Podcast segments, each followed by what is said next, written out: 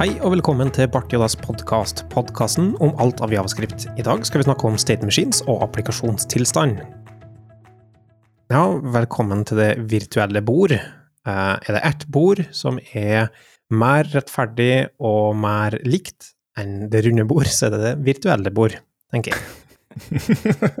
Eh, men rundt det virtuelle bordet så har vi det Alfoni. Hei. Og Krakeli. Og Tryggestad. Hallo, hallo. Og med Mikael Brevik. Så jeg fikk eh, fullt navn. Ble ikke det virtuelle bord like likt lenger. Jeg hører rykter, uh, Alfoni, om at um, det er lange netter for tida. Det er det. Det er sånn man må, man må finne ut uh, Man har det søvnbudsjettet til familien når man har en baby. Så er det liksom hvem er det det skal gå mest utover? Så det er en sånn evig sånn tautrekking, egentlig, det greiene der. For det er alltid noen som får for lite søvn, og akkurat nå så er det min tur til å få litt for lite søvn. Så som jeg sa til dere i stad, beklager hvis jeg roter litt ekstra mye med orda i dag. Det er fenomenalt med tanke på at uh, det er du som har foreslått tema og kommer til å stå for mesteparten av snakkinga. Uh, og så setter jeg jo stor pris på at uh, Marius har funnet den plassen det er mest bråk, for å spille inn dagens podkast. Tenkte vi skulle ta en litt sånn ja, Det blir nesten litt sånn radioteater der. ja. Så det er liksom follies, det er ikke ekte murboring? Men det er du Nei, som det er bare faktisk, fake. Jeg har bare lagt det på i post. sitter, du som sitter og trommer på en, en eh, objekt som du fant i skogen eller et eller annet sånt. Det er bestandig sånne absurde ting som skal gjenskape lyder i Folly Work når de skal lage radioteatret. Mm. Eh, så det syns de er artig. Uh, Tryggestad, jeg har ingen stikk eh, til det. Yes! Slapp unna, endelig. Ja. Uh, men uh, dagens tema, eh, state machines, finite state machines, eh, det var eh, applikasjonstilstand i form av state machines. Eh, har du lyst til å introdusere noe om, eh, om det, Alfoni? Ja, jeg kan godt gjøre det. Um, jeg har titta veldig mye på konseptet en stund nå, og det jeg har lagt merke til, er at det er en del sånn eh, Man skyver det litt unna når man hører om tilstandsmaskiner, eller state machines. Man eh, relaterer det ofte til eh, at ikke dette er relatert til weben, f.eks., at det er litt sånn white paper rundt det. Man har en sånn man har ikke en sånn naturlig 'Å, dette virker veldig spennende', eh, er min erfaring. Så det jeg har reflektert mye rundt, er hvordan kan man få en eh, litt mer eh, enklere introduksjon eh, eh, til det konseptet, og forstå hvorfor det fungerer som det gjør. Og det er derfor jeg er veldig opptatt av dette med eksplisitt eh, tilstand. For det er selve fundamentet til tilstandsmaskiner. Det er det, det som jeg sier er eh, eksplisitt tilstand. Og det er egentlig ikke så vanskelig å, å snakke om, fordi det er veldig knytta til rett og slett hvordan er du modellerer den staten du har i dag. Eh, hvilke properties har du, hvilke verdier har de propertyene, um, osv. Og så det var det jeg tenkte vi kanskje kunne snakke litt om. Hva er det eksplisitt eh, tilstand betyr, og hvordan er det knytta til tilstandsmaskiner, og hvilke muligheter får man når man først begynner å modellere tilstanden sin som eksplisitt tilstand? Ja. Eh, og det var det fra uh, Genéve med utenriksreporter. Men uh, ja, la oss starte i den retningen der, da, med eksplisitt og implisitt og som er motparten, ikke sant. Um, Mm. Det er ganske enkelt å komme på eksempel på implisitt tilstand. Eh, Det er tilstand som du har, eh, og i hvert fall implisitt midlertidig eller, eller eh, eh, temporal eh, tilstand. Altså ting som eksisterer i nuet eller midlertidig, osv. Mm. Uh, implisitt tilstand kunne vært f.eks.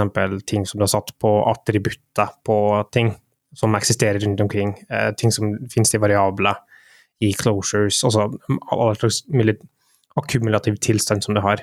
Mm. Og men eksplisitt tilstand er noe som folk flest har hatt tatt et forhold til i moderne webarkitektur de siste fem åra, i hvert fall. Eh, for at du kan ha et eksplisitt tilstand òg. Du kan fint ha eksplisitt tilstand uten state machines, eksempel. Mm. Kan. Eh, og det er ganske enkelt, det å ha en, en state store, på et vis. eh, eller en atom state, eller kall det hva du vil. Altså en, en plass der du har all tilstanden som er på uh, i applikasjonen din, da er den per definisjon eksplisitt. Men her så snakker du egentlig om noe utover eksplisitt tilstand, men det handler om eksplisitt eh, tilstandsendring. Ja, kanskje det er en bedre term terminologi for det. Um, fordi det er som du sier, man har jo uh, en explicit uh, state store, da, for å kalle det, kalle det, det men så modulerer du jo uh, den staten inni den storen. For å ta et eksempel, da. Um, veldig typisk, hvis vi tar autentisering, f.eks., så er det ganske vanlig å modellere det som at ok, i denne state storen Eh, for um, autentisering så har du da typisk en is authenticating um, property. Um, du har sikkert en user property, og du har kanskje en error property. Og uh, greia da er at hvis du da er i den i, i tilstanden at du autentiserer, så er det da is authenticating true, f.eks. Men dette er ikke eksplisitt, da.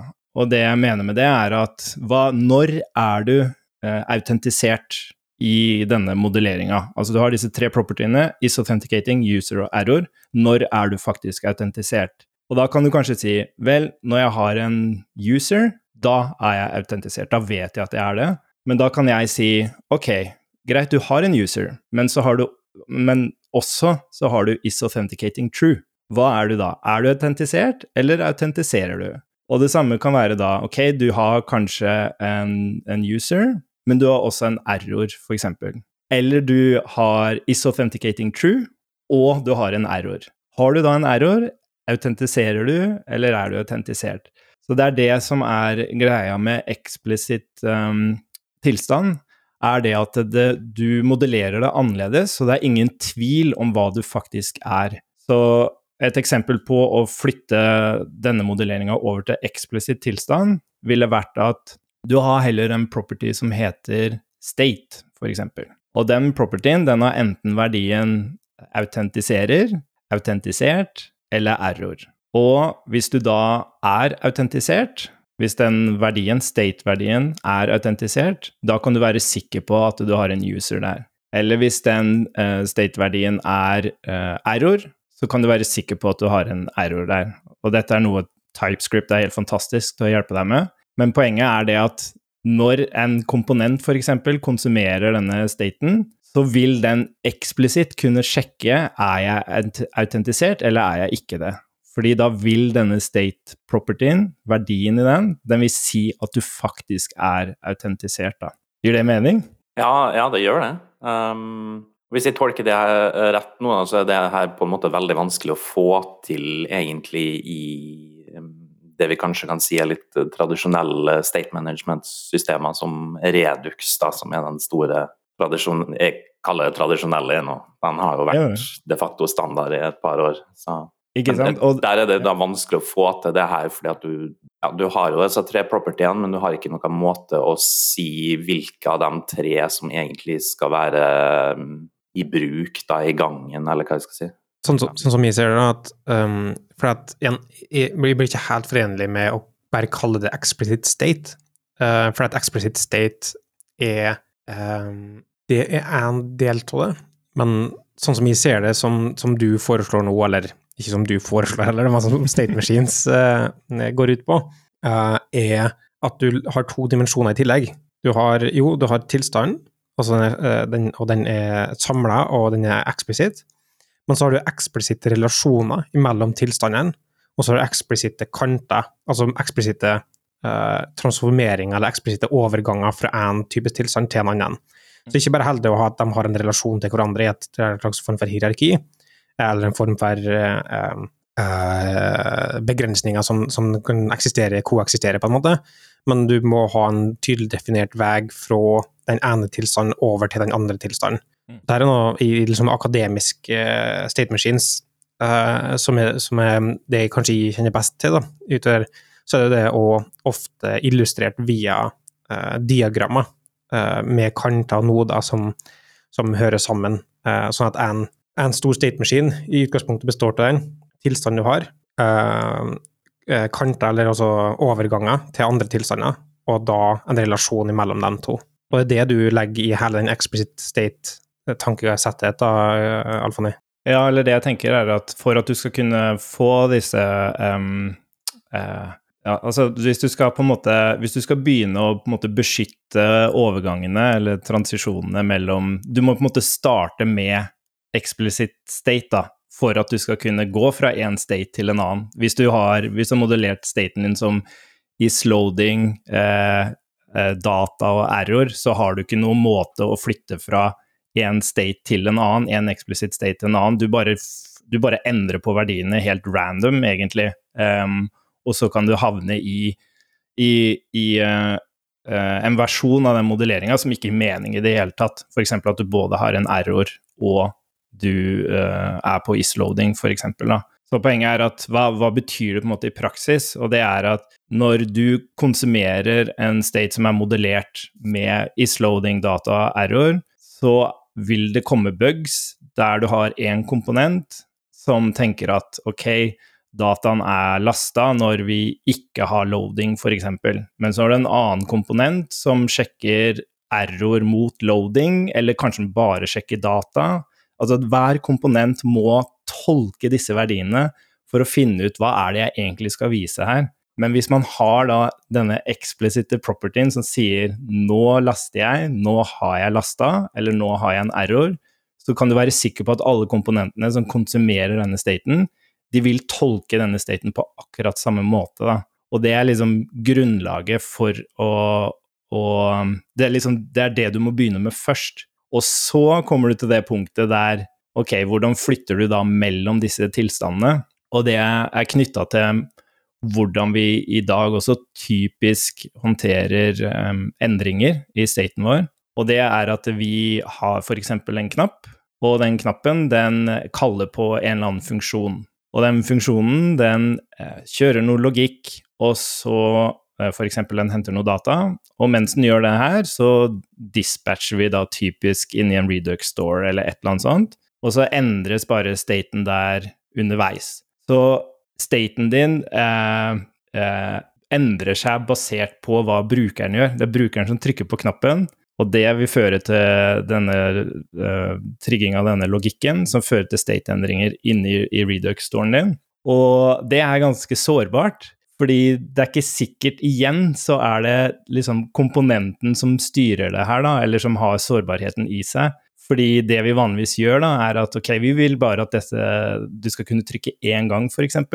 Og så setter vi en 'disabled' på knappen, eller et eller annet sånt, da. Så vi sjekker liksom en is-loading på, på, på, knappen, og da kan du ikke trykke der, da. Så det er komponenten som bestemmer når denne logikken skal kjøre eller ikke. Og det er sårbart, da.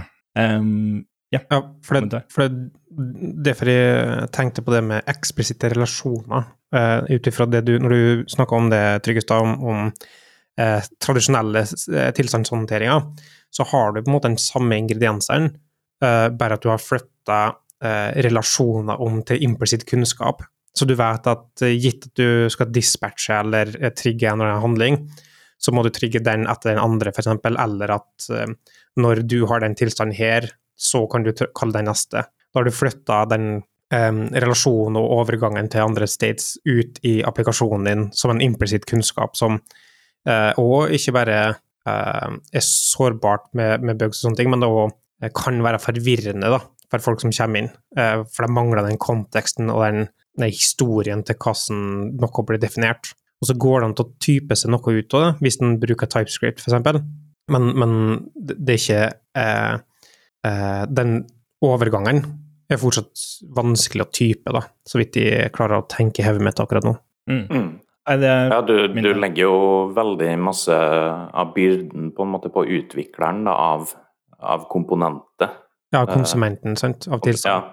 Det er akkurat det, akkurat det du gjør. Du, det, konsumenten må tolke tilstanden, først og fremst, men så får konsumenten også veldig mye Den får for mye eh, kraft, holdt jeg på å si. Altså de faktisk Konsumenten trigger, bestemmer at logikken skal trigges, og driver dispatchene direkte inn i, i storen, bare, der staten bare endrer seg uavhengig av hva som har skjedd før.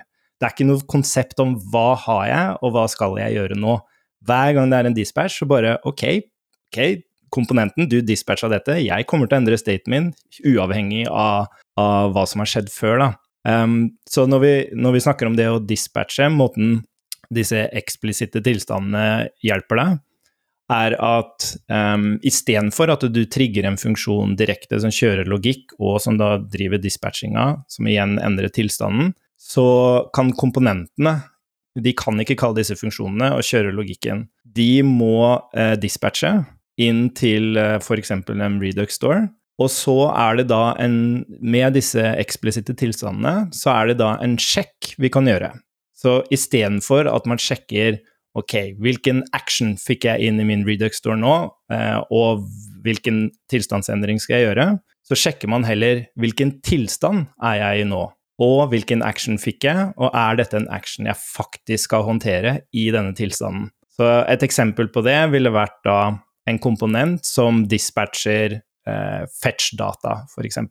Det som skjer da, er at det, det, skjer ingenting, egentlig, annet enn at dette blir dispatcha inn i storen, og så gjøres det en sjekk der. Er jeg nå i en tilstand der jeg ønsker å håndtere denne action om, om å hente data, om å fetche data?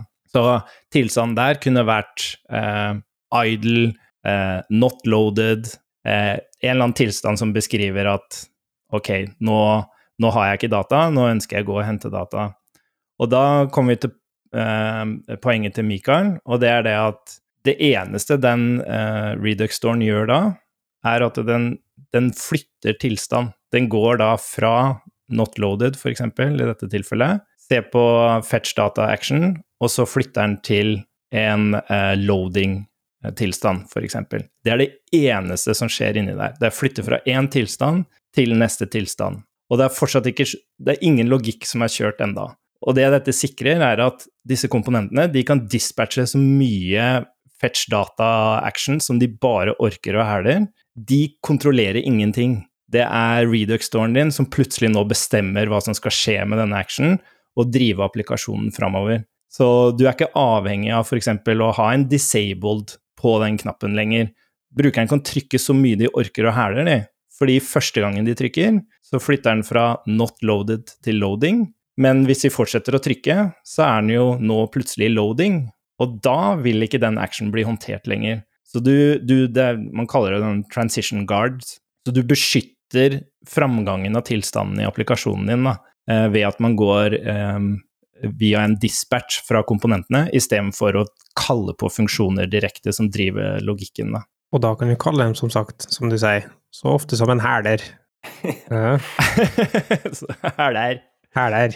Men, men uh, deler av det her kan du på en måte um, mitigere i en uh, applikasjon som bruker Redux også, ved å bruke det som kalles uh, Tunks. Tenking, ja. Eh, også, du har mange andre tilnærmingsmåter for å oppnå egentlig det samme, da, eh, som ikke er state machines. Thunking er en bit av det. Effects og sagas kunne være en annen bit av det.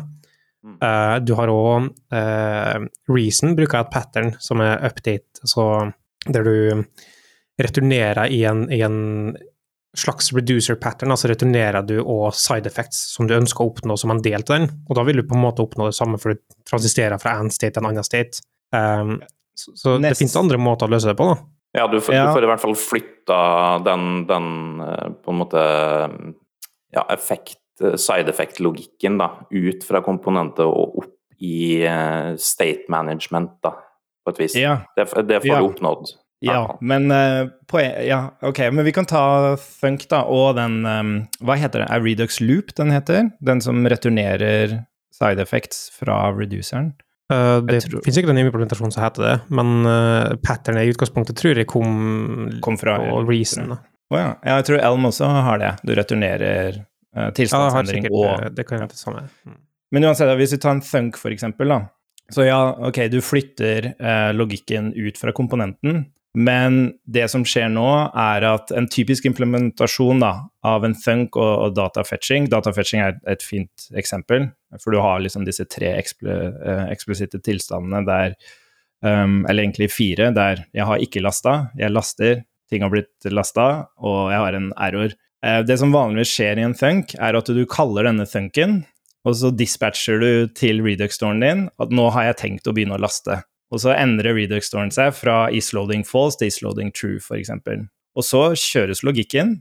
Den går og kjører en side effect, henter dataene, og i, um, hvis det er en suksess, så dispatcher du på nytt at ok, jeg henta disse dataene, Redux-storen bare skyver det inn uansett. Og hvis du får en error, så skyver den det inn uansett.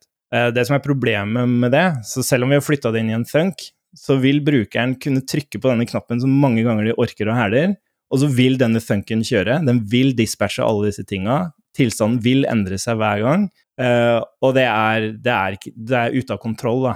Så det som er greia, er at uh, Og det er akkurat det samme med dette Elm-patternet, eller Reason-patternet, er at selv om de ikke hadde kjørt um, selve fetchinga av data i thunken, hvis du heller hadde bare dispatcha inn i, inn i Redux-storen, og så hadde den endra tilstand, og så hadde du returnert um, hvilken side effect som skal kjøre, som i dette tilfellet er å hente data, så ville det også skjedd hver eneste gang brukeren trykker på denne knappen. Eh, så det som er poenget, er at hvis man ikke har noen som helst måte å trigge logikk, annet enn å liksom dispatche, eh, dispatche inn, og man har da denne garden, som det heter, som sier da at eh, ok, eneste gangen jeg faktisk har noe eh, intensjon om å hente data, det er hvis jeg nå ikke henter data. Dette er min tilstand, eh, jeg har ikke henta noe data, jeg tillater at dette skal skje, da. Det er liksom nøkkelen til det. Um, så det er ikke så mye hvor man har logikken, det er det at man, man, uh, man må innom en uh, tilstandsendring før man faktisk kan kjøre disse sideeffektene, da. Um, det, er, ja, det er det som er viktig. Da har vi snakka litt om det generelle konseptet og gevinsten og, og, og ting med det. Eh, hva med ulemper? La oss starte der. Og så etter vi snakka om ulemper, så kan vi gå over på konkrete implementasjoner eh, som går an til å ta i bruk i dag. Mm. Bare ett siste poeng først, fordi et, et, spørsmål som dukker opp da, hvor i alle dager er det sideeffektene kjøres? For det eneste du kan gjøre nå, er å liksom, liksom Du kan dispatche inn i Redux-storen din, den endrer en tilstand, men det skjer jo ikke noen sideeffekter. Bivirkninger. Men det som Bivirkninger. Uh, og måten det fungerer da, er at du heller på Akkurat sånn som du kan gjøre hvis vi snakker uh, om React, f.eks., så, så er det heller en reaksjon på den tilstandsendringa. Så det som må skje aller først, er at det må skje en tilstandsendring inni statestoren din, og så kan utsiden reagere på det. Så det som skjer, er at utsiden reagerer på at oi, nå flytta vi inn i en loading state, f.eks. La meg gå og trigge datahentinga, og så fortsetter den å gjøre dispatching. Um, og det som, det som, er på en måte konklusjonen her nå, det er at det, er denne tilstandsendringa inni statestoren din, det er det som driver applikasjonen forover. Det er ikke, fordi, det er ikke brukeren som driver applikasjonen forover, det er tilstandsendringa inni storen din. Og det er der du definerer hvilke tilstander har jeg, hvilke tilstander skal jeg få lov til å flytte til, basert på hva, hva, slags meldinger som kommer inn i State-storen. Um, Når du har separert de to stegene, da, um, vil det ikke være for løs kobling mellom dem? Eller er det, er det, greit? Hva tenker du på for løs kobling? Nei, altså Du har litt implementasjon til hvordan flyten går, og så går det en annen plass for å implementere hvordan du faktisk bruker den flyten. Ja. Jeg vet du har et vel... svar på det, da. Nei, men det, det, er så godt spørsmål, for det er sånn det er ikke sånn at uh, implementeringa blir enklere. Altså, det enkleste man kan gjøre, det er jo ok, du har en knapp, du definerer en funksjon, du bare endrer tilstand, du kjører bivirkninger, du endrer med tilstand. Altså, det er den mest eh, rett fram måten å programmere på.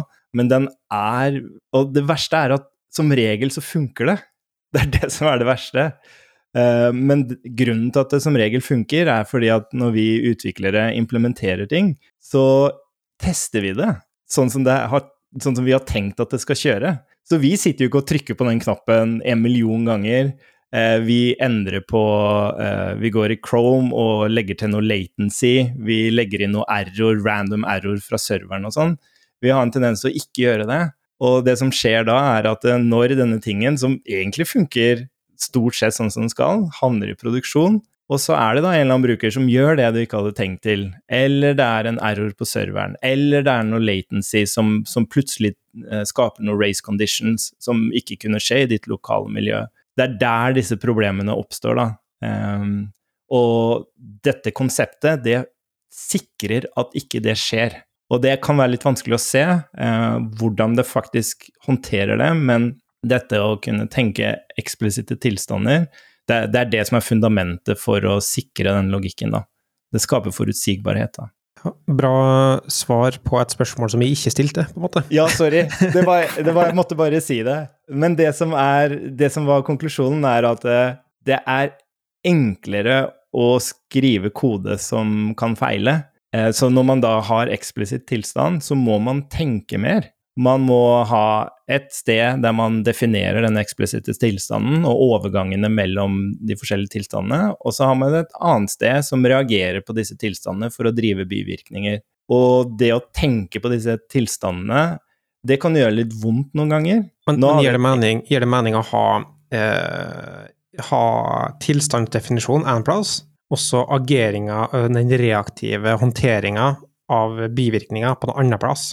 Kan de to eh, eh, eksistere uten hverandre, på en måte? Eller er det sånn OK, nå går jeg og setter opp ting her, og så går jeg på en annen plass, og så setter jeg opp den tilsvarende støtten oppunder det, som er steg to. Og du klarer aldri å gjøre det uten steg én og steg to. Eh, burde de to på en måte være tettere kobla arkitektonisk sett? Det er et veldig godt spørsmål.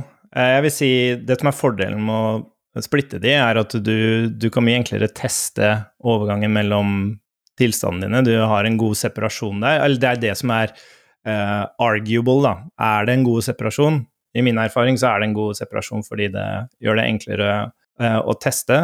Og så er det det at det er ikke sikkert at Så når du definerer denne, disse tilstandene og hvilke overganger de kan ha til nye tilstander, hvis du da skal i tillegg definere hvilke bivirkninger de skal ha når de gjør disse overgangene, så kan det være at du har én tilstand der du beveger deg til en A til, Altså du har tilstand A som går til tilstand B, men så kan du også ha en helt annen tilstand som også flytter seg til tilstand B. Og da må du huske at ok, begge disse stedene, begge disse definisjonene, som jeg husker på at jeg må legge til denne bivirkninga begge steder, f.eks. Så du, du, på en måte minimerer eh, potensialet for feil, da.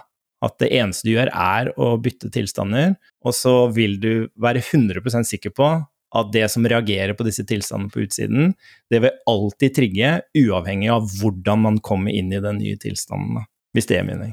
Ja, da er du klar for å gå over på å snakke om hva slags ulemper dette kan medføre. Uh, ja. hvis, du, altså hvis vi sier nå at eh, nei, alt er bare superbra, da har vi ikke reflektert nok over det, tenker jeg. Nei, det er helt riktig. Det... Jeg, tenker, eh, jeg, tenker, det kan være litt eh, Mitt spørsmål er på en måte hva Det høres litt skummelt ut at, at det state-håndteringsbiblioteket bare dropper um, actions, da. Um, er det mulig å på en måte hookes inn og uh, ikke, ikke, kjøre effektene av den actionen, men på en måte um, istedenfor å droppe dem, så må man logge det eller uh, et eller annet sånt istedenfor. Ja, for du kan tenke nå på exhaustiveness, på en måte? Altså at du, er en case du ikke dekker, eller tenker du på at um, nei, når ja, du kommer inn og så Å, jeg dropper det. det jeg ignorerer hvis det. Er en, ja, hvis det er en mm. bug i systemet, da, eller hvis brukeren sitter og hamrer på den der um, knappen, så kan det jo hende du har lyst til å, å vite om det, på, ja, på et vis. Det er kjempebra spørsmål. Det kan man, det kan man man kan knytte det til en negativ side, for det er som du sier, da, at hvis man trykker på denne, brukeren trykker på denne knappen, da, og så vil det bare fungere første gang og flytte tilstanden for å hente ned data, så skjer det absolutt ingenting de neste gangene. Og det er jo på en måte riktig oppførsel, men som en utvikler så vil man gjerne vite om, om dette skjer. Eh, og min erfaring er at eh, det er egentlig bare det at ikke det skjer, at det, du har modellert at det ikke skal skje noe når, det, når, det, når den brukeren trykker på den knappen, eh, så er det da er det riktig, og det er greit, det. Men jeg, jeg skjønner bekymringa, at man syns det er skummelt. Men da kan man velge hva man vil gjøre. Under utvikling, f.eks., så kan man logge ut det. At uh, dette var en action som ikke ble håndtert fordi det var ikke riktig tilstand, f.eks. Um, det er veldig vanlig at man har DevTools oppå det her, så du faktisk ser Uh, Det er ganske interessant, da, hvis man eh, tenker eh, utviklingsverktøyet til Redux, f.eks., så har du jo hele Redux-storen din, og så har du da en dispatch, en action, som kommer inn. Og eneste måten Redux kan vise deg hva som skjedde pga. den uh, dispatchen, er at du får en diff av, av Redux-storen din. Det som er interessant her, er at det, siden vi har eksplisitte tilstander, så går det an å se hvilke tilstander er det jeg har definert i denne storen. Og så kan du da se hvilke actions ble håndtert av hvilken tilstand. Eh, og du vil også kunne se hvilke actions ble ikke håndtert fordi jeg ikke var i riktig tilstand, f.eks. Ja, med Redux så vil du bare ha en hendelse har skjedd, mens mm. med det her så vil du ha en hendelse har skjedd som en følge av relasjonen mellom de to hendelsene her. Mm. Um, det er fortsatt ikke en um, uh, altså, La meg stille spørsmål på en annen måte, Alfoni. uh, er dette et verktøy for alle scenario?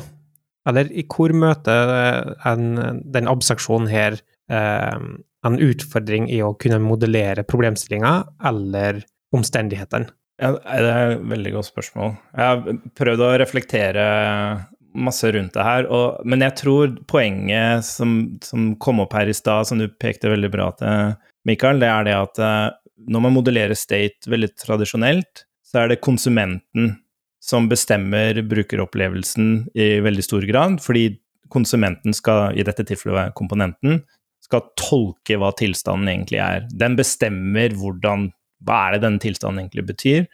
Og komponenten er den som driver tilstanden forover direkte.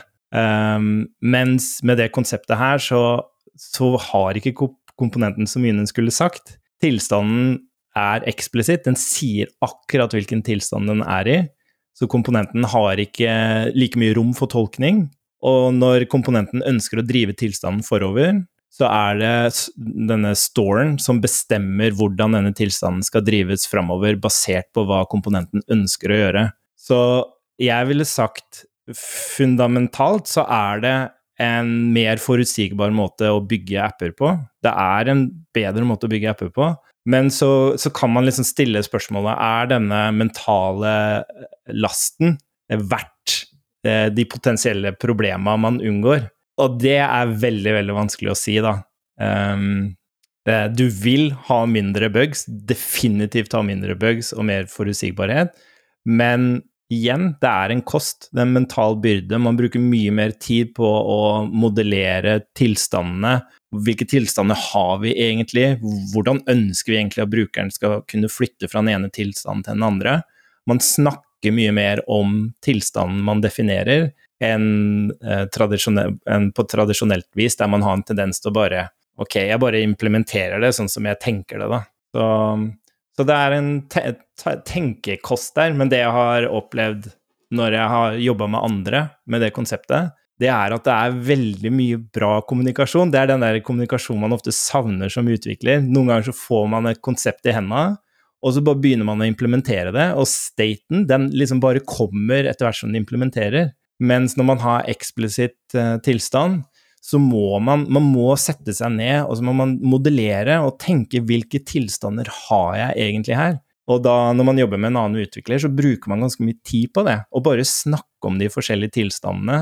Eh, og det som ofte skjer, er at man oppdager at man faktisk har flere tilstander enn det man skulle tro, da. Eh, som skal faktisk vises annerledes i grensesnittet, eller håndteres på en annen måte. Så um, vil du si at det tvinger deg i større grad til å adressere feilhåndteringa? Yes, det definitivt tvinger deg. Um, og hvis man har um, litt hjelpeverktøy over, så kan man uh, dobbelttvinge, på en måte. Så for eksempel hvis du har en state store som definerer en rekke eksplisitte tilstander, så kan uh, konsumering av den tilstanden i en komponent, den kan gjøres sånn at ok, nå, nå, skal jeg definere noe grensesnitt basert på denne state storen. Eh, for eksempel um, uh, Ja, vi trenger ikke å snakke om uh, hva det skal hete, men poenget er at du konsumerer tilstanden, og så skal du produsere noe grensesnitt. Men det du kan gjøre, er at du kan tvinge komponenten til å definere akkurat hva den skal gjøre i hver tilstand. Sånn at du ikke kommer i en situasjon der du har en komponent som konsumerer noe tilstand, og så er det et eller annet du ikke håndterer. F.eks. det som typisk skjer da, at du har en knapp som har opacity når den ikke skal ha opacity, f.eks., for eksempel, fordi du har ikke eksplisitt håndtert den tilstanden. Eller kanskje du rendrer en ting som ikke du skal rendre, fordi du har bare sagt at ok, i dette unntaket så ønsker jeg å rendre dette, eller skal jeg bare, uansett hva det er, så skal jeg rendre alt, uh, alt resten her. Men med eksplisitte tilstander så må du liksom si ok, i den tilstanden skal jeg rendre det, i den tilstanden skal jeg rendre det, og i den tilstanden skal jeg rendre det. Og hvis det skjer en endring i den tilstanden, kanskje man introduserer en ny tilstand, eller man fjerner en tilstand, så vil alle komponentene som konsumerer denne storen, de vil kjefte på deg og si at ok, nå er det en endring her som ikke jeg vet hva jeg skal gjøre med, eh, eh relatert til rendring, da. Mm. Noterer jeg det at du ikke klarer å komme opp med en negativ eh, aspekt av det? Det, det, negative liksom det som Nei, jeg klarer ikke det. Det som oppleves negativt, det er, det er skummelt. Det høres skummelt ut, og det er veldig sånn white paper-aktig. Og så er det det at man, man bruker så mye tankekraft som man ikke er vant til. Eh, man er ikke vant til å tenke så mye over hvordan man skal modellere tilstanden sin. Det er på en måte bare noe som kommer naturlig ut av oss. Uh, og, og ja, så lenge liksom, ting fungerer sånn som det skal, det ikke er noe latency, det ikke um, liksom, Du har full kontroll på komponentene dine, du er den eneste utvikleren som jobber på det. Ja, så stort sett så funker det. Det gjør det, altså. Og, og da kan det føles uh, fælt at man må bruke så mye tankekraft på det her. Um, det er abstraksjon.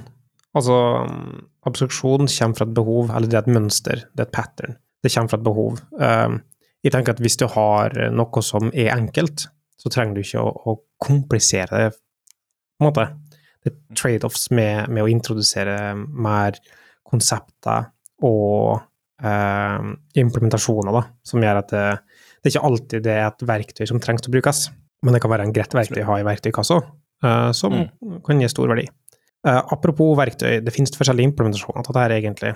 Uh, og kan Nå vet jeg at du har skrevet React States tidligere her, Alfoni, som er hva er 30 linjer kode og 60 linjer typer, mistenker jeg. ja. ja, det er helt spot on, det uh, men uh, den er knytta opp mot uh, use reducer react, så den er spesifikk for react, som, som, ligger i navnet. Men det finnes andre alternativer her. Eksempel, man husker en som heter Stent, og så har vi nå David K. Pianos, som jeg tror vi har nevnt på flere anledninger i, i showet, egentlig. Mm. sin X-State. Den har eksistert i mange år. og Uh, jeg har i hvert fall sett den for lenge siden. Den vel liksom versjon to eller noe, det var en stor endring der. Mm. Um, hva er grunnen til at du skrev React States annet enn liksom ja, det er artig å lære, på en måte? Altså, er, det en, mm. er det en grunn til at noen skal ikke bruke X-State, som er etablert på en måte og har ferdige testverktøy og har egne modelleringsdiagramverktøy eh, osv.? Mm. Uh, og som funker på andre ting enn React, og så vidt jeg vet. Ja, ikke sant er grunnen til at uh, det jeg syns Etter hvert som jeg lærte mer om ja, tilstandsmaskiner og eksplisitt tilstand og sånn, så identifiserte jeg det her problemet med å liksom budskapet, få fram budskapet. Og selv om David er utrolig flink til å, å presentere, så er den på en måte Det er litt sånn alle kan kjenne seg igjen i det at når man er for dypt inn i et tema, desto, jo dypere man er i et tema, jo vanskeligere blir det å forklare det for andre som ikke kjenner til temaet i det hele tatt. Så det jeg ville prøve, det starta bare som et eksperiment, at ok, kanskje det finnes en bedre måte å introdusere det konseptet her på, for han har en tendens til å gå inn og, og vise eh, trafikklys, f.eks. Det er veldig sånn urelatert til det vi faktisk eh, driver med. Jeg vil heller ta det fra et veldig kjent konsept, som er uh, React og Use-State og Use-Reducer. Og hva er liksom det minimale du trenger å putte oppå der for å begynne å bevege deg mot det konseptet, da. Uh, og jeg, jeg bestemmer meg for at jeg vil ikke bruke konseptet tilstandsmaskin eller state fordi jeg vet at bare den, den termen, det skremmer folk, da. Så det var egentlig Hele prosjektet var bare for å uh, forklare hvordan du kan bevege deg fra der du er i dag med React, til å legge litt grann oppå, så er du plutselig Så sitter du der plutselig med en, en tilstandsmaskin, da. Um, men så men så begynte jeg å bruke implementasjonen selv, og så likte jeg det veldig godt. Så da tenkte jeg ja ja, vi får bare Klappe sjøl på skuldra. Det var på tide, og det var lenge siden jeg har publisert noe på NPM, så det var, det var på tide. Men, eh, men, greia da er at du har X-Date, og Xdate er, sånn som du sier, det er, eh, har vært ute lenge, og det er veldig populært. Men når du går på X-Date, så er det veldig vanskelig å se hvordan du skal bruke det her i webverden, altså bygge applikasjoner på web. Det er, det er, jeg tror ikke det er et eneste eksempel her på en faktisk typisk webimplementasjon som autentisering, forms og sånne ting. Det er bare trafikklys og, og faktiske maskiner. Så, så Men Xdate er, er, helt fenomenalt, det, altså. Men det tar konseptet enda lenger. Det går helt fram til state charts, som, som er liksom enda en videreføring av, av tilstandsmaskiner igjen, da. Ja. Vil du da si at eh, din greie kan være interessant for å lære seg konseptet, men, men, hva hvis folk hører på og skal introdusere ting for kundene sine, på en måte? Er det fortsatt eh, det de burde gå for, tenker du? Altså, jeg skjønner at det er lite kode og, og sånne ting, eh, så det er ikke sikkert kostnaden er så stor, men, men det har kostnad tilknytta å uh, bruke et konsept, på et vis. Mm. Ja, ja, det er det. Eh, jeg fikk, en, um jeg fikk en tweet fra en som har brukt dette React States, da. Og han hadde prøvd å introdusere X-State til kollegaene sine, men de, de ga veldig eh, pushback, da. De følte det var overengineering og osv. Men mens det konseptet her, det på en måte fikk de inn Eh, inn på det. Da. Dette kunne de bruke, liksom. De så at det ga mer forutsigbarhet i brukeropplevelsen, eller brukeropplevelsesimplementasjonen. Um, men planen der er å fortsette videre, da. Når de på en måte er innafor, så har han som tweeta, har lyst til å se på X-Date, da. Men jeg, så jeg tror at det prosjektet her, om man bare ser den videoen som forklarer hvordan man går fra React U-State til å faktisk ha en full tilstandsmaskin, det i seg selv er bare er læring nok, tenker jeg, da. Um, for da slipper man å hoppe rett inn i et stort API med trafikklys, og heller da Ok, jeg vet hva en use date er, hvor går det herfra, liksom? Mm. Uh, jeg tror eh, episoden er lang nok med det, og vi runder av på en um, jevn 45, uh, som jeg vil kan si. Den jeg vil, uh, var en vits jeg tenkte på i stad, som den er 60% ferdig. Men jeg føler at det finnes noe der som, som gjerne vil uh, vil uh, spille tilbake, og så får jeg gå og tenke på den til neste episode. Uh, for du driver og sier 'hæla' hele tida, og så mye du hæler. Og jeg tenkte liksom sånn Hva får du hvis du gjør så mye, gjør så mye, så mye du hæler? Hæla i taket. det finnes et eller annet i den retninga at du får Leveransen min kunne vært bedre, og jeg innser at den er kanskje 60-70 dit, men jeg føler at det har potensial der, da. Jo, men det, det eneste som mangla deg, det var selvtilliten. Ja, ja, det trakk meg, trekte meg midt i vitsen. Ja, det gjorde det. Uh, og det tar jeg sjølkritikk på. Uh, uh, er det avslutningsord eller spørsmål før vi runder av? Marius, hva bra blir boringa, tror du? Er det ferdig? Nei, de er fortsatt ikke ferdig, hører jeg. Så det Men det, det jeg har tenkt da underveis her, hvis jeg skal klare å klemme inn det mellom boringa her, er at uh, jeg skal jo snart uh, Eller jeg er helt i den spede barndommen av et nytt uh, prosjekt nå, som skal, jeg vet skal ha state. Og det her er jo veldig interessant å utforske litt nærmere for å se om man kanskje kan ta i bruk det her, da. Det er som et interessant applikasjon du skal lage som har state. Ja, det er revolusjonerende greier der. Vi har hørt at det stateless som på en måte er tingen. Ja. Jeg har prøvd å lage alle applikasjonene mine uten noe state i det hele tatt, jeg. Terje deg, Marius, men uh, jeg tenker at uh, dette er en sånn artig ting å lære seg, da. Det er i hvert fall sånn artig uh, Hva skal jeg si tankemønster, eller uh, noe som, som du òg kan ta inn over og du vurderer hvordan du modellerer tilstanden, og så vet du at hvis du begynner å merke problem med, med at det er vanskelig å følge flyten på tilstandsendringer, f.eks., så kan vi vite at dette er et verktøy som kan håndtere det for deg. Det syns jeg er nyttig. Og så syns du hadde en fin gjennomgang Kristian Alfani, og en reflektert, reflektert oppsummering. Og så vet jeg jo at du har en video på det samme som går gjennom implementasjonen, som vi kan kanskje lenke en plass. Og helt til slutt så vil jeg bare si at Marius kan si hva du håper å gjøre første dagen det er over 15 grader ute. Altså, det første jeg tenkte på da, var en skikkelig god utepils. Eh, så spørs vi da om det er lov med skjenking eller ikke.